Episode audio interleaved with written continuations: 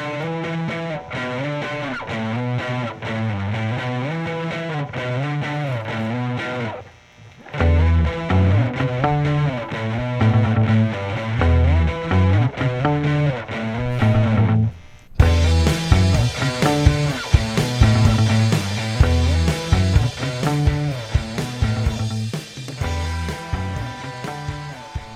guys, Pod of Gold, welcome back. Huge episode today. We're going to jump into all the recruiting news of the last couple weeks. But before we get into that, I'm Brett. I'm here with Mike. I'm here with Schneid.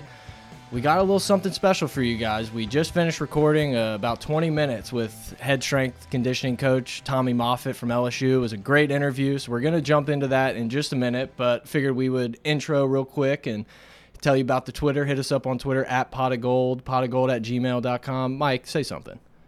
No, I, am still, you know, kind of shook up here. We had a great interview. No, uh, guys, it went well. Uh, I think we're all sitting here pretty excited about how the interview went with Coach Moffitt. Uh, obviously, guys, you know Coach Moffitt is a, a legend at LSU. Um, he was a legend at John Curtis uh, High School where he got started. And there's many, many disciples of him. I mean, you've got Cochran over at Alabama as his biggest one. Uh, that was at LSU as well with him in the beginning he went from Curtis to Tennessee to Miami and then to LSU in the year 2000 and since then it's just been uh, I mean it's been a staple of our program has been our strength conditioning. We look at it every year especially and he alluded to this also there was a, a period where it was all, a lot of combine training. I mean you look at the NFL combine our guys blow it out the water uh, you know and a lot of that has to do with him uh, so we're we were very excited to, to have the opportunity to interview him. Schneid, I know you're pumped up today because I mean we've had recruiting time, excellent recruiting news. So we're here with Schneid to, to really dive deep after. This is your season. This is this is it. I love team building, the roster building. This is this is where I live. So I'm ready to go. Well, guys, if uh, Brett, do you have anything to say before we play this interview? No, guys, hit us up on Twitter at pot of gold. So, look, we're going to play the interview real quick for you. Um, and after that's over, we're going to dive into a recruiting segment. So, I hope you guys enjoy. All right, guys, here we are. We are joined with LSU strength coach Tommy Moffitt. Coach, thanks a lot for coming on. Uh, we are all huge fans, and we you know, we can't believe we got a great interview lined up. Uh, what do you say? What's going on? Well, thanks a lot for having me on here first. Um, it's always my pleasure uh, to visit with LSU fans and talk football and talk strength and conditioning. So the pleasure is all mine. Good deal. Well, Coach, how's the summer going so far? We 2018 team, they're in the middle of their workouts and everything. How how we feeling? Well, so the summer's going absolutely wonderful, and that's uh, we're having a little team dinner tonight, and we're going to talk about you know where we are now. We're at the halfway point of the summer, and um, it's gone very well. Our conditioning test um, this year, the results are back from our conditioning tests, and for this time of the year, it's the best that we've ever done on our conditioning test. Um, we had more people pass it the first time than we've had in probably 10 or 11 years. And uh, so what happens if you fail it, then you have to take it every Friday morning at 6 a.m. until you pass it. And so we had about 11 guys going into that first um, makeup test. And of that group, all but two passed it. And then this past week, um, those two guys that had not passed it passed it. So for everyone that's healthy uh, on our team, everyone has passed the conditioning test, and it's the first time since I've been the strength coach here at LSU that we've gone into July with uh, all the healthy guys. Now we still have three guys that were physically unable to perform that test in June that still have to run it. Uh, one of them is going to pass it with flying colors. He's taken it twice already and every time he passed every rep. So I'm not worried about him. He had a slight muscle strain, so we didn't want to push him too hard. Uh, so as of right now, we are looking at you know the best condition team. Our strength numbers are um, about where they should be this time of the year. We've maxed in the bench press and squat twice uh, so far, and uh, we're going to back off for the next two weeks on squat and bench, and then hit them real hard with another bench max just one week from the end of the summer program. Okay. That sounds. I mean, that's excellent news. Sounds like the progress is going very well. Um, I had a question that I kind of wanted to to angle in, in, a specific way here. So we have recently, Coach Orgeron has been getting a lot of JUCO guys, some graduate transfers. How do you approach that in the summer for those guys that don't have the benefit of being with this team for a couple seasons, but are going to be counted on in the upcoming yeah. season, you have the responsibility now as the strength coach to really be the first coach that gets their hands on these guys. Um, do you approach them in a unique way to find their niche in this team? Uh, you know. Yeah. Well, that's a great question. Um, Good job, and Mike. you know what? In in my career, that's the first time someone's asked me that question that I can remember. Uh, so that's that's an original one, and it's a great question. We got so, a lot more of them for uh, you, Coach. yeah. Okay. Good. So I'm going to take the JUCO transfer first. So um, I was fortunate, or I guess I, I guess you could say I was fortunate, but my son played junior college baseball, so I know what the JUCO grind and the JUCO life is all about, and. Um, he was fortunate enough that he got to go to LSUE, where they had a great weight program. Uh, but not everyone gets that opportunity, and you know they don't have in, in in junior college football. They you know they'll assign one person maybe to the weight room, and then their workouts usually consist of some bench press and some curls.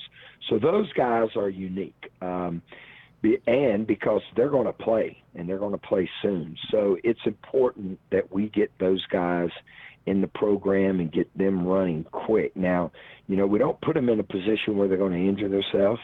Uh, you know, we don't load them up immediately with a bunch of heavy squats and heavy cleans and deadlifts and things, but we integrate them quite quite soon, and we bring them along gradually. Those guys do not do any testing for about the first eight weeks because we want to make sure that they're doing it well uh, before we, you know, before we load them up real heavy. And of the, all the junior college guys that we've had here, most of them have done pretty well soon.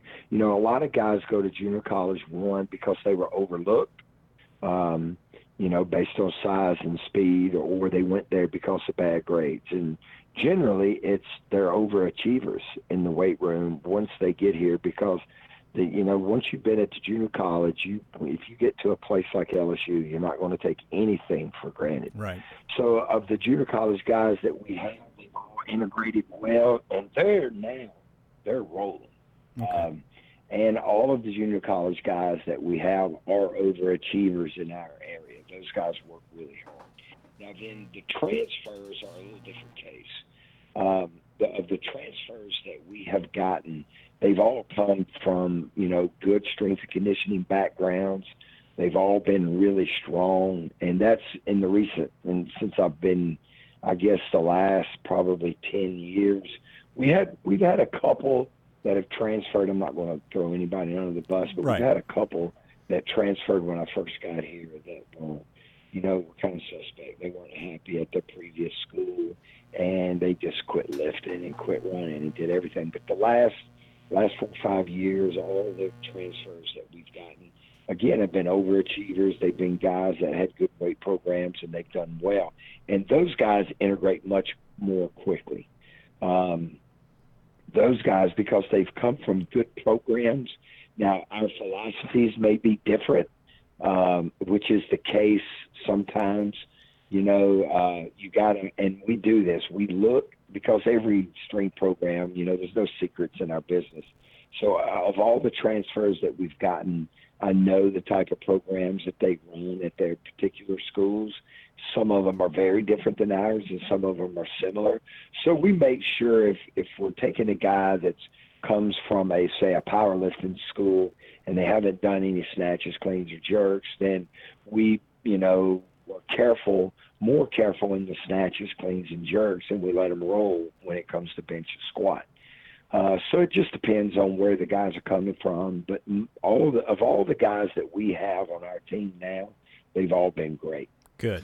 Yeah, and you you kind of mentioned philosophy change, and so you know you've been here through a few different coaches. How does that change your philosophy? Because you know different coaches want different style of players, a little bit different. Do you have to like really revamp how you do it, or is it just minor tweaks? Yeah, so uh, there's never been any to- like total changes in Right. what we do. Our, our basic philosophy has remained the same, you know, for the last 18, 19 years. So uh, with Coach Saban, you know, Coach Saban had a lot of input in our running program, uh, but not so much in the weight room. He really didn't care what I did in the weight room. Um, uh, but when we were outside running, he had a lot of input into that. Uh, then when Coach Miles came, uh, Coach Miles uh, really didn't say a whole lot about anything that we did, but he wanted to make sure that you know we were putting a lot of speed on the field. So Right. our off-season running program in the winter uh, was um, it was a lot of it involved a lot of speed work and all the different types of drills that we did. He was, you know, he wanted everybody to be fast and and now with Coach O, the first thing that Coach O said, you know, when he got the job, first of all, he was a strength coach when he first started in the business. And he says, Tommy, I trust you. You've got a great reputation. You know, I've worked with you. He said, I just want him to work hard. I want him to get strong, and I want him to be in shape when camp starts. So he's pretty much let me do, you know, run the show. And uh, we made some tweaks. Um, the first off-season program that he was here, uh, we put our competition Wednesday in, and that was a blast. And uh, I'm glad that he recommended that we do that. We looked at a couple of different schools on how they did it. So we implemented on Wednesday a lot of competition, a lot of drills where we pitted guys against one another, and then we would pit, you know, the offensive line against the defensive line, the DBs against the wide receivers. Uh, so that went over real well, and um, so they've all had some subtle differences, uh, but I'm fortunate that they all three respected me a great deal, and you know, pretty pretty much let me do what I wanted to do. Right. Well, that's excellent news. So, you know, talking about the philosophy changes and, and what you do from the year 2000 all the way till now, whenever you first got that job, or even back in the, the Tennessee days, The or Curtis days. the Curtis days, for instance, did you ever envision this type of progress in your field? I mean, did you ever imagine a Yeah. nutrition center for your guys, specifically for you know what they're training for this week? You know what I'm saying? You know, so um, I was talking to somebody today about that. So 30, 31 years ago when I started, uh, when when you sat down to write a program, uh, your programs were about 70% art and about 30% science. Um, and so the, the art part, you know, that came from experience and intuition. Um, but nowadays, shoot, about 70% of what we do is science, and about 30% comes from the experience and the intuition.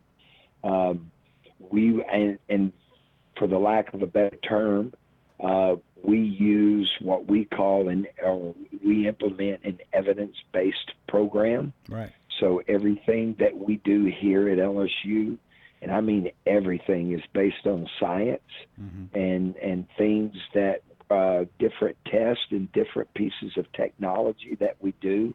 And there's again, there's very little experience or intuition goes into it because we monitor everything that these guys do, and we have different types of technology um, that we use uh, to test our guys to look for their strengths and their weaknesses and in areas, you know, whether it's the defensive line or offensive line or the wide receivers or DBs, we compare those guys against databases that have, you know, 600 to 700,000 uh, collegiate athletes in it. And so you're able to really, really, really get down to the nuts and bolts of what we do.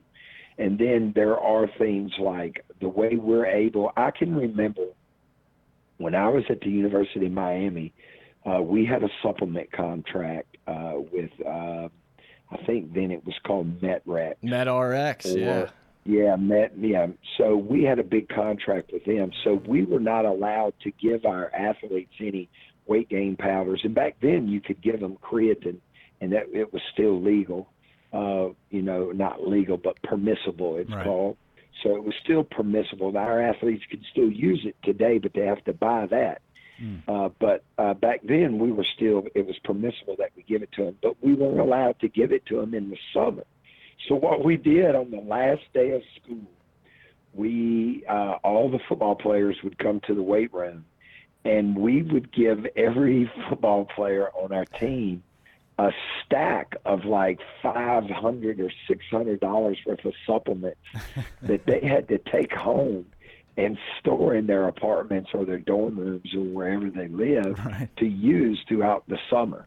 And we and there were times when you know we were even told that we couldn't give them Gatorade or we couldn't give them uh, uh, a Snickers bar. Times have changed, the rules huh? have changed. Yeah, the times have changed, man, and and to have changed for the good.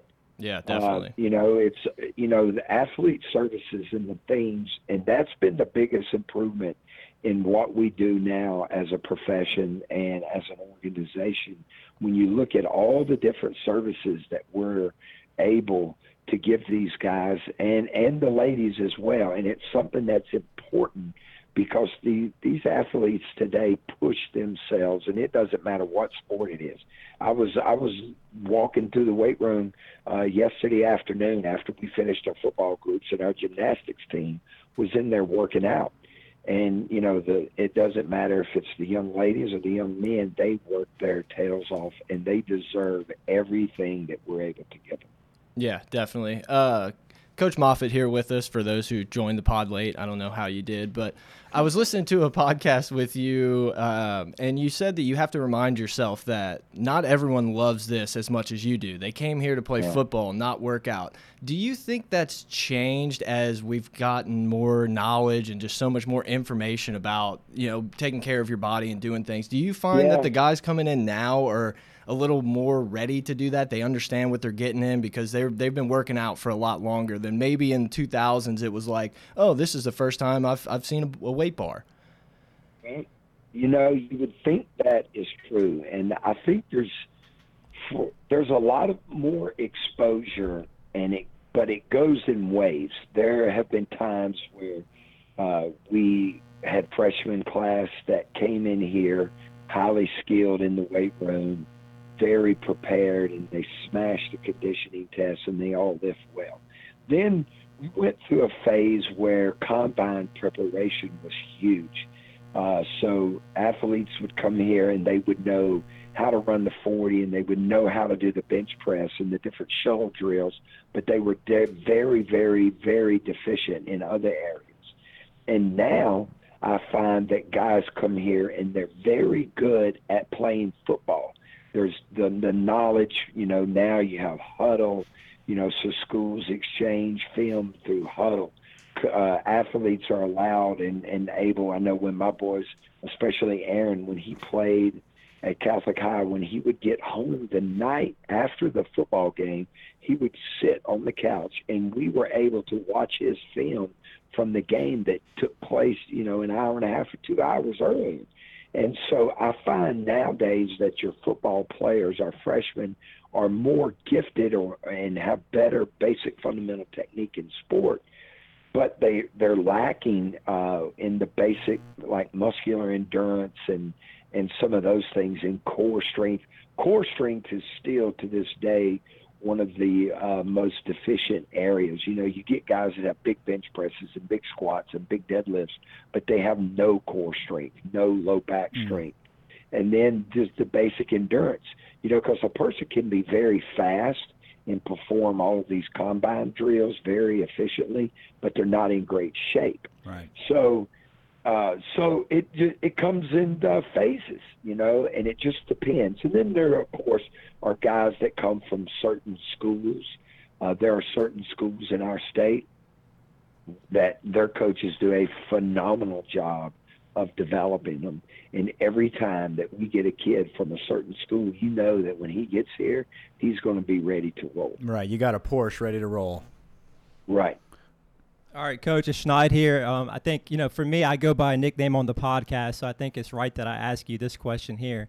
Um, on the on the Twitter account, we see a lot of nicknames with you know Real Yeah. Spill, Sling Blade. How do you guys come up with those nicknames? Is it the players, or is that something that, that you come up with too? Well, yeah. So some of them, some of them are names that the players give each other, and then you know we have a lot of fun. And you know I've always said that if if it's not fun, it's not worth doing. You know, playing sports like I love what I do. Uh, I I really feel like I have the best job in the world. And so we have, I mean, we work really, really, really hard. Uh, and through that, there's a lot of funny things that happen. And, you know, generally, most of the guys' nicknames, they're named within the first two or three days that they get there. They're branded for life. nickname- yeah, like uh, Bubbles, you know. So, so that name evolved from Bubba, and um, and so you know the name evolves over time, uh, but we have a lot of fun with it. And uh, this group of guys that we have right now, um, you know, this group of players, they're phenomenal, and they're a great group of guys, and we have a lot of fun before the workout. You know, they know when it's time to get locked in, and uh, we have a lot of fun before the workout, and we have a lot of fun after the workout. That's what it's you know, our place is like, yeah, and our place is like a barbershop. You know, the guys come and hang out in our office, and you know, if they got a, you know, if there's a problem with something going on and they want to talk about it, they come over. And so there's a lot of downtime where we're all just sitting around the office and giving each other the business. So that's where all the nicknames come from. Yeah, for sure. Coach, uh, we're winding down here. We're coming at uh, that about 20 minute mark here. But before we Yeah. go, I know Brett wanted to tell a quick little story and just clarify something for uh, the doubters out there. Yeah, I need you to validate Yeah. a story because I've been telling this for 10 years. So I was an equipment manager in 2008, coming off the title year. wasn't the best year, but Alabama game. It was big business. Let's roll. And so I found somehow I found myself somewhat near you. Right at the end of the game, we there was a timeout called, and it was you know let's block this field goal. And I look over, and all of a sudden, I just see you like jaw jacking with Lee Corso. So you got to validate this story for me. Th- this happened, correct? Yeah, so yes, it is a true story, and you're the first person that's ever brought it up. Coach, I So, swear, I there was like no one Yeah. else that was in this like area. I don't know what happened. Yeah, so we, so I was down there in the area, and he, you know, he had commented a couple of times because he's a really super nice guy, and he had commented a couple of times during the game, you know, or asked me a question.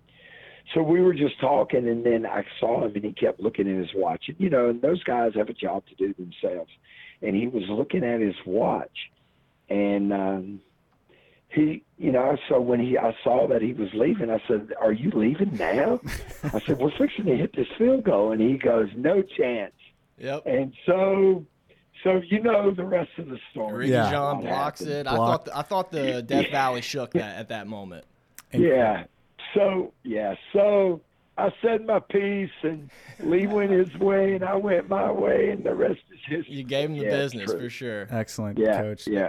Well, look, Coach, uh, thank you so much for your time. I know uh, you've got a schedule to follow. You've got some team meetings to, to gather. We appreciate you uh, giving us this opportunity. Uh, we had a heck of a time here in these stores. We'd love to do it again sometime soon. Um, it's always a great time to hear from basically the, the living legend of LSU right now. Besides Nader, you're like the most tenured LSU Yeah. employee, right? Yeah. Well, it, I haven't been here long enough. I can promise you. well, we want you here for as long as for a lot longer. Good. Good. Well, thank you very much, guys, and it was a pleasure being on here. And uh, and uh, I would certainly love to do it again. And uh, I appreciate the hospitality. And go Tigers! Thanks a lot, Thanks, Coach. Coach. Have a great day. All right, all right, guys. Bye bye. And we're back. Awesome, awesome interview. Good with stuff. Coach Moffitt. I'm so glad. It's been no one believed me when I tell this story, so I'm so glad that Moffitt was able to validate it for me because I started thinking like maybe I made this up, maybe there's something wrong with me. But it was great having him on. I Loved the interview. Can't wait to have him Well, back. I on. love how right before we started, you were saying, I really want to ask him about this story, and you told it. And I was like, I've heard this before. Brett, are you sure?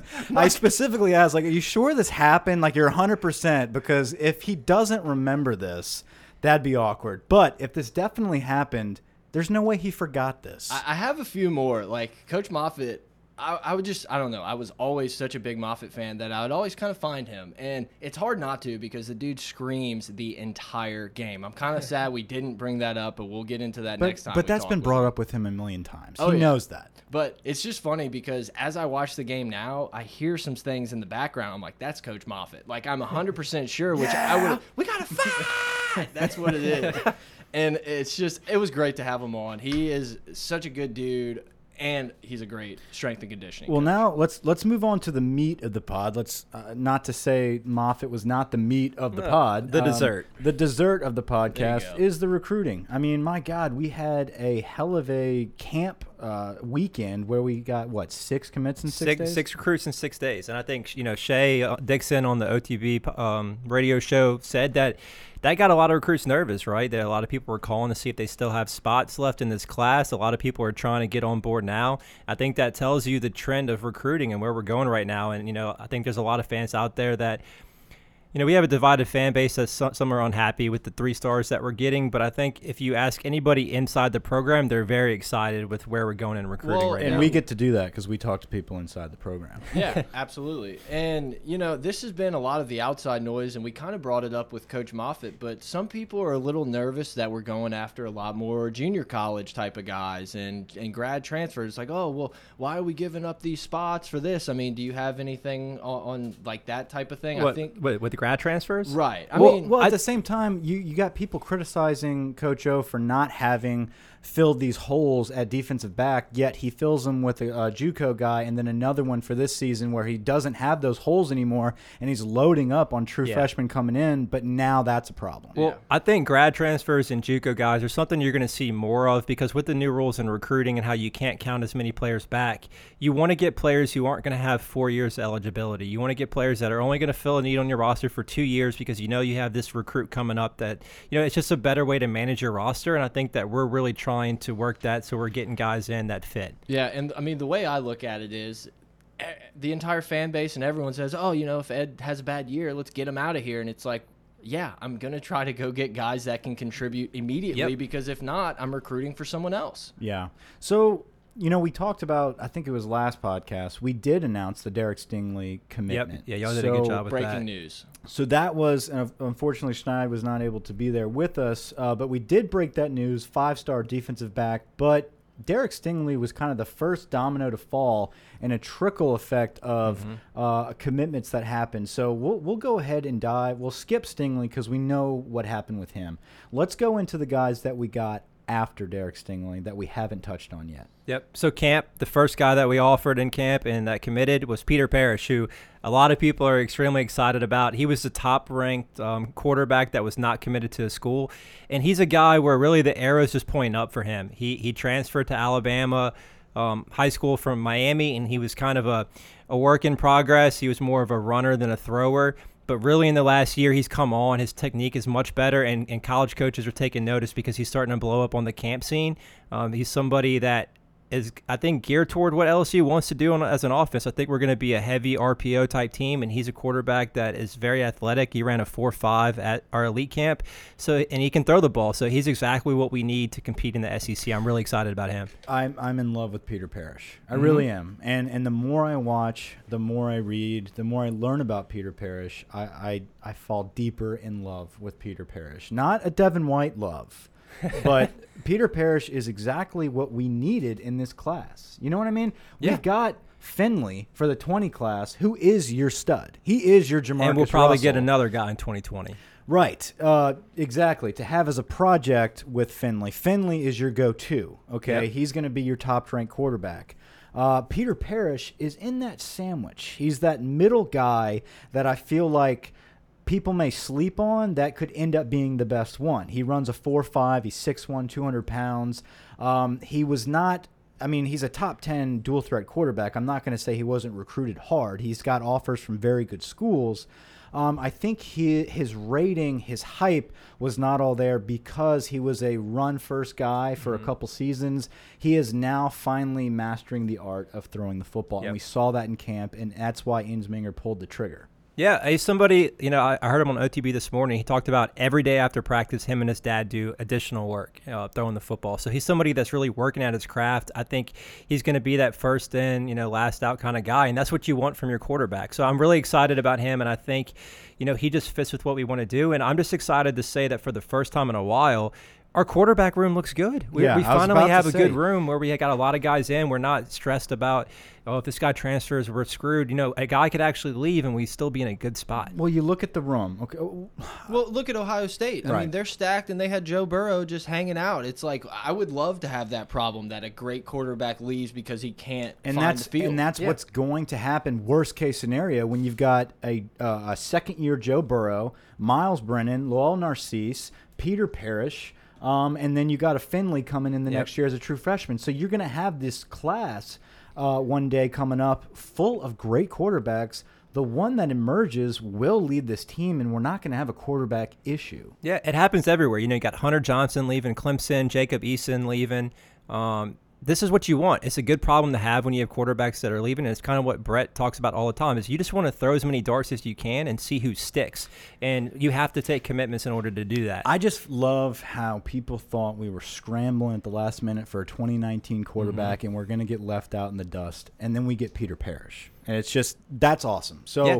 uh, and let's, he plays big ball in, at Alabama. He plays 7A. He has great competition. So I think that's going to be another huge benefit for him. He's not going to, the SEC is not going to be too fast for him. no. So I think he was the only guy on the offensive side of the football that we got a commitment for. The, the tight Tight end. end. Tight end, sorry. So let's go to the tight end. Uh, TK McLendon. He is a 6'5, 250 pound, three star tight end from Co-Lin Community College. So for those uh, that are aware of the Netflix series Last Chance U, I believe they play Co-Lin, Mhm. um, and it's like their big rival. I'm sure. Is that the fight team? Is I don't think so. The, they get in fights with all of them. It's been but, too long. I need Miss Wagner back in my life.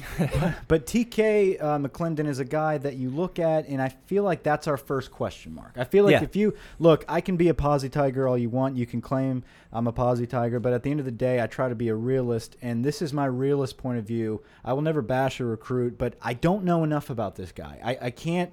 There's no highlights. I mean, there's a few. There, there's highlights, but he's blocking. He's most of the time. blocking, but it's not a bunch. Um, you look at his high school uh, stats. He played a lot of defense. He looked dominant at a defensive end, but we're not recruiting him for that. I think he had three catches. Yep, three catches. So it, this was the guy we offered on the spot, right? yeah, he Yeah. went to camp. He he ran some drills, That's and we good said we got him. That's so the good thing is obviously these coaches saw something and they were like, we don't want him to leave the building without an offer, type of thing. Right. So if, if I'm going to be critical of someone we we got just now, it's probably going to be him. But who am I, someone that's not there evaluating Right. this guy, Yeah. uh, to have an opinion? But that is my opinion. it's easy for us when we have the websites in front of us, but we, you know, like th- a lot of kids develop late too. You know, Yeah. so many different factors could go in. If the coaches felt good enough to give this kid a committable offer on the spot, I, you just got to trust it. Yeah. say they have they have a plan. I want to talk more about the kids some here in a minute, but I also want to touch on what Brett said about camp evaluations and how that's a, a focal point for our team. I was talking with somebody on the team today, and he said that's huge for them because they're able to get a person on campus and really Sauces. see their personality and how they interact and how they attack drills and you know just he said we're getting good kids and that's the important part. So you want to get guys that can you know increase the culture of your program and come in and be a good fit and it sounds like we're really using the camp scene to do that. So so to get into him more i mean he's an athletic freak. He's Yeah. what six Six, six six. 247 pounds he We'll call six five. Yeah, we'll meet in the we'll middle. meet in the middle. Seven. I think he had like a 30 or 40 inch vertical and he ran a good time. He checks all the boxes athletically, but it's does the production match? And I think it kind of tells you about where we're going as an offense. Um, he's going to be a guy that replaces Foster Moreau that can block and catch the ball. Um, I think you know Thad Moss is going to be somebody that's more as it like inline tight end out on the on the outside making plays. So I think it tells you a little bit about the direction of the program and why we brought him Trust in. in Goatsminger. So always. Whenever we're talking about camp evaluations, we always Mm-hmm. talk about some of the seven on seven stuff uh, that goes on, a lot of the the drills. Uh, the footage that I did get to see, aside from a ton of Peter Parrish, which, like I said, I was very impressed with, um, but a guy that I didn't know too much about that I'm now pretty impressed with is Marcus Banks, and that was a guy that we did get Mhm. commit at a commitment from that I did see at the camp. Um, to evaluate, he looks a lot like Greedy Williams. He, he's a late bloomer. He's like a late bloomer. about. He's very lanky, but he's I mean he's a leech. He's on you and he doesn't move. Well, I think you can you can pinpoint where we want to go as a defensive backfield. I mean, just going down the list here, we got Derek Stingley, who's six foot, Maurice Hampton, six foot, Dreshun Miller, six foot two. All these guys that we're getting, we want length at that position, so because we're, we're we're trusting these guys to be on an island. You want them to belong and be able to give the quarterback a small window. So let's talk about the one that we got this weekend. Um, well, we got two defensive backs this weekend. Uh, Dreshun Miller, he is a 6'2", 180 pound, four star defensive back out of Eastern Arizona College. What do you know about Dreshun? When you talk about him, it's versatility. Dude can play safety. He's probably going to play a lot of safety for us, but he can step down and play corner. And he's somebody that you want in a Dave Aranda defense because he likes to play, you know, the game of chess where he's moving pieces around. And he's a guy that can be very versatile in your backfield. And he's a guy that many people think might end up as a top five JUCO guy when it's when the rankings are said and done. What are the guys saying about him as far as is he a highly recruited guy from other colleges? He is now. He is um, now. Out of high school, I think he was the 76th ranked player in the state of Georgia, and a lot of guys like Kip Adams that covered the state for 247 and said we we liked him. We just we missed on his evaluation. Like he's just way better than we thought he was. He's a guy, and you get that sometimes. Sometimes you have these highly talented players that don't work as hard when they get to big time schools, and he's not that. So he's somebody I think that's going to play right away and contribute in a backfield that we need. We need guys at because Yeah. we, we missed last year. I'm hearing a lot of good things about Dreshun Miller, uh, especially with a name like that. He's got to be good. That's what I said. I'll take all the Drayshons or Drayshons. Give me all of them. So another guy that we got in the defensive backfield, we're staying on that, is uh, Cordale Flott. So this is a guy again like T.K. McLendon. I don't know much about, and so I'm not being critical. Uh, I do know he was an Auburn commit, so obviously he has SEC offers. But I'm I'm not in the boat where oh if he's going to Auburn that means he's good. Uh, I'm not saying that, but it does show you that we didn't flip him from Southern Miss. We flipped him from Auburn. Well, I think you can look at eh, people you don't know a lot about. You can look at their offer sheet and see what schools think about him. You know, just going down the list for him, he's got Auburn, Alabama, Ole Miss, Tennessee. Big time schools are after him. He's a guy that again six foot one. He's lengthy. Um, he's only 165 pounds though. I think he's a good match with a guy like Dreshun because he comes in, you get him a Tommy Moffitt workout program for a few years, and then maybe he's got a you know a Greedy Williams type career path after that. Who do you so you you compare him to Greedy as well? Um, I think he's lengthy. I wouldn't say talent wise. He's like he, he's greedy. I would say maybe he could be. I don't know. It's hard to say. I, I think he could be like a John J. Kirkland if he ends up being what we think he can.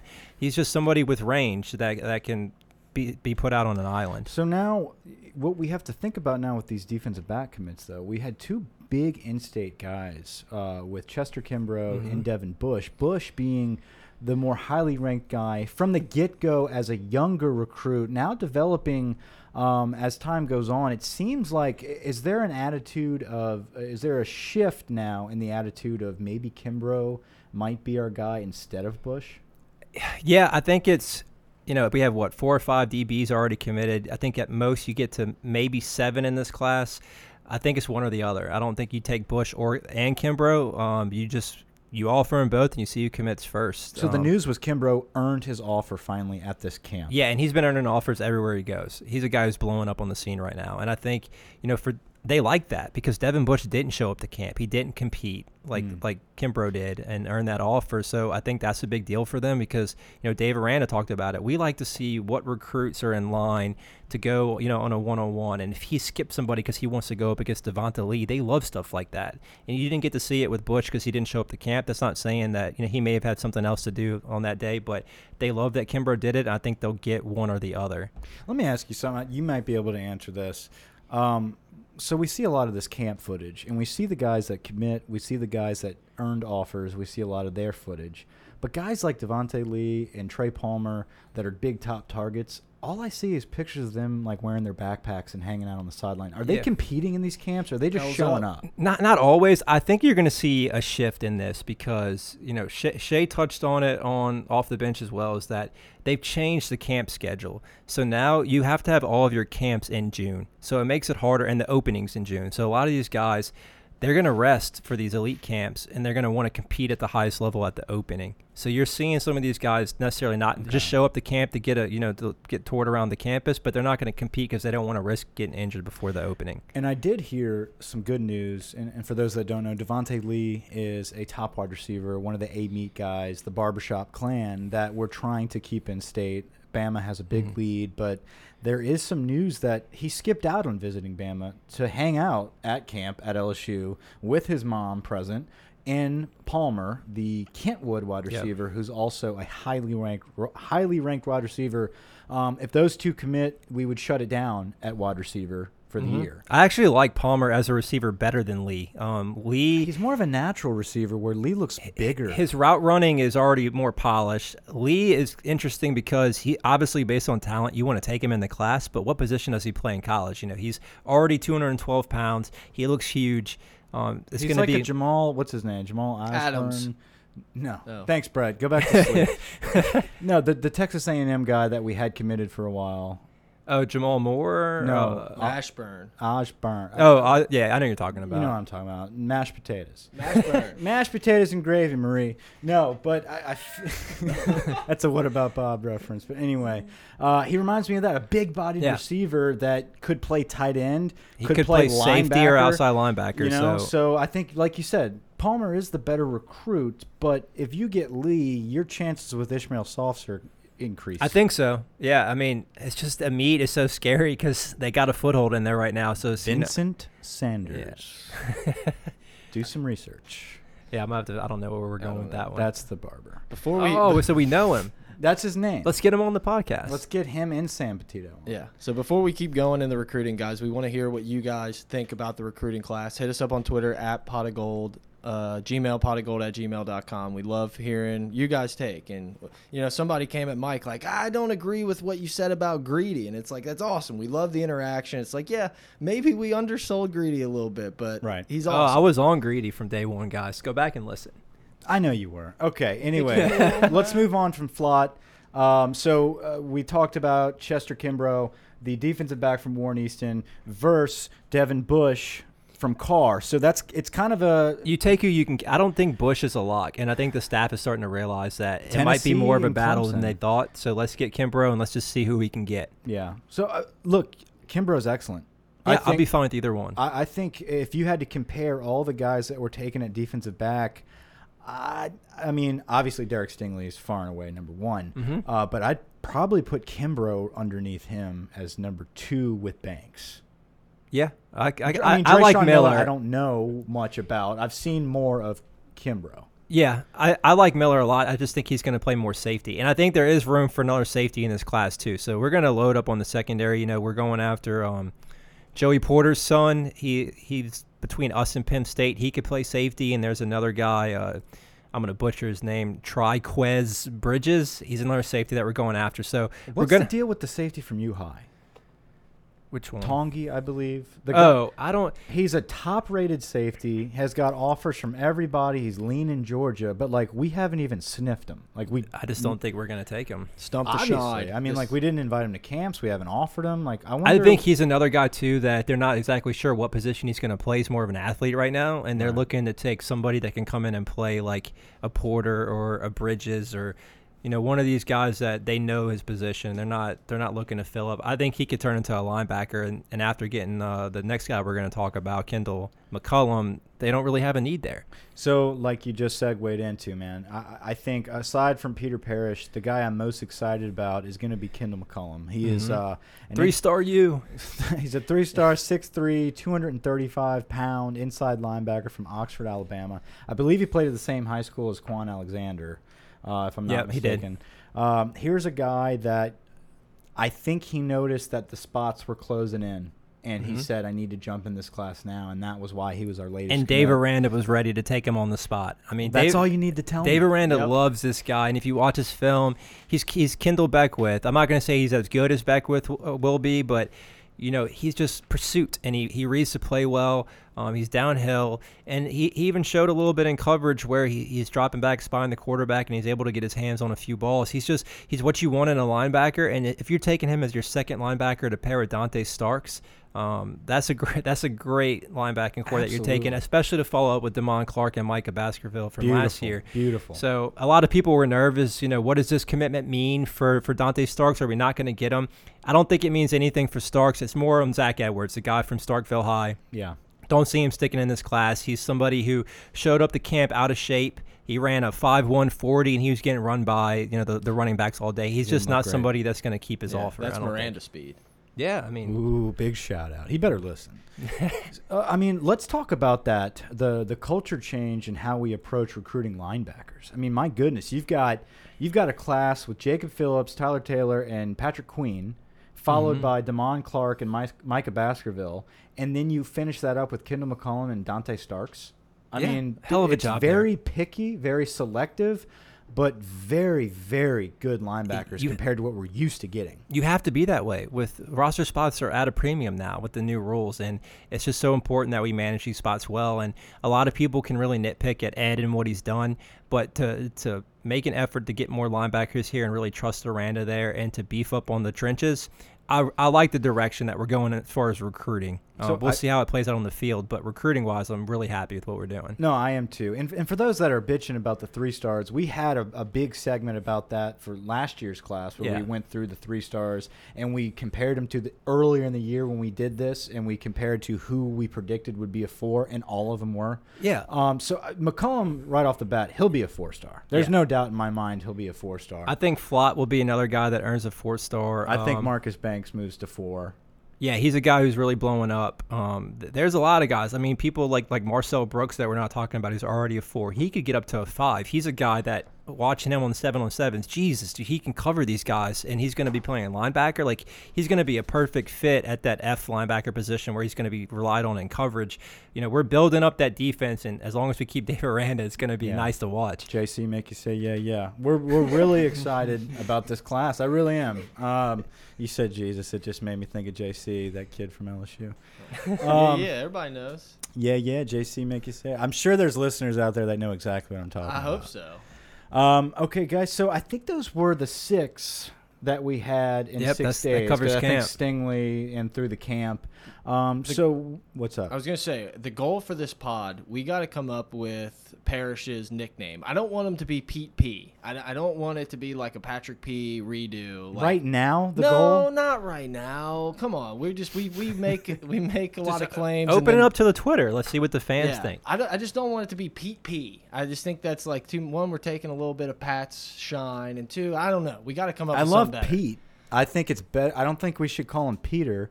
I think it's Pete Parrish. Pete Apaka. I mean, I, I heard Ensminger yelling at him in the in the drill videos. You know, great throw. Pete. Let's go, Pete. You know, it was it was not Peter. Coaching him up already. I'm just I'm just going on record right now. Pete P. I'm out on. I'm out Okay. on.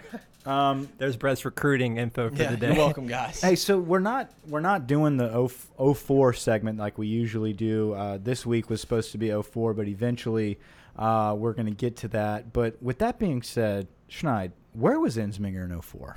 04? Oh, this is he was at Auburn and just take a guess at what Auburn's record was that year.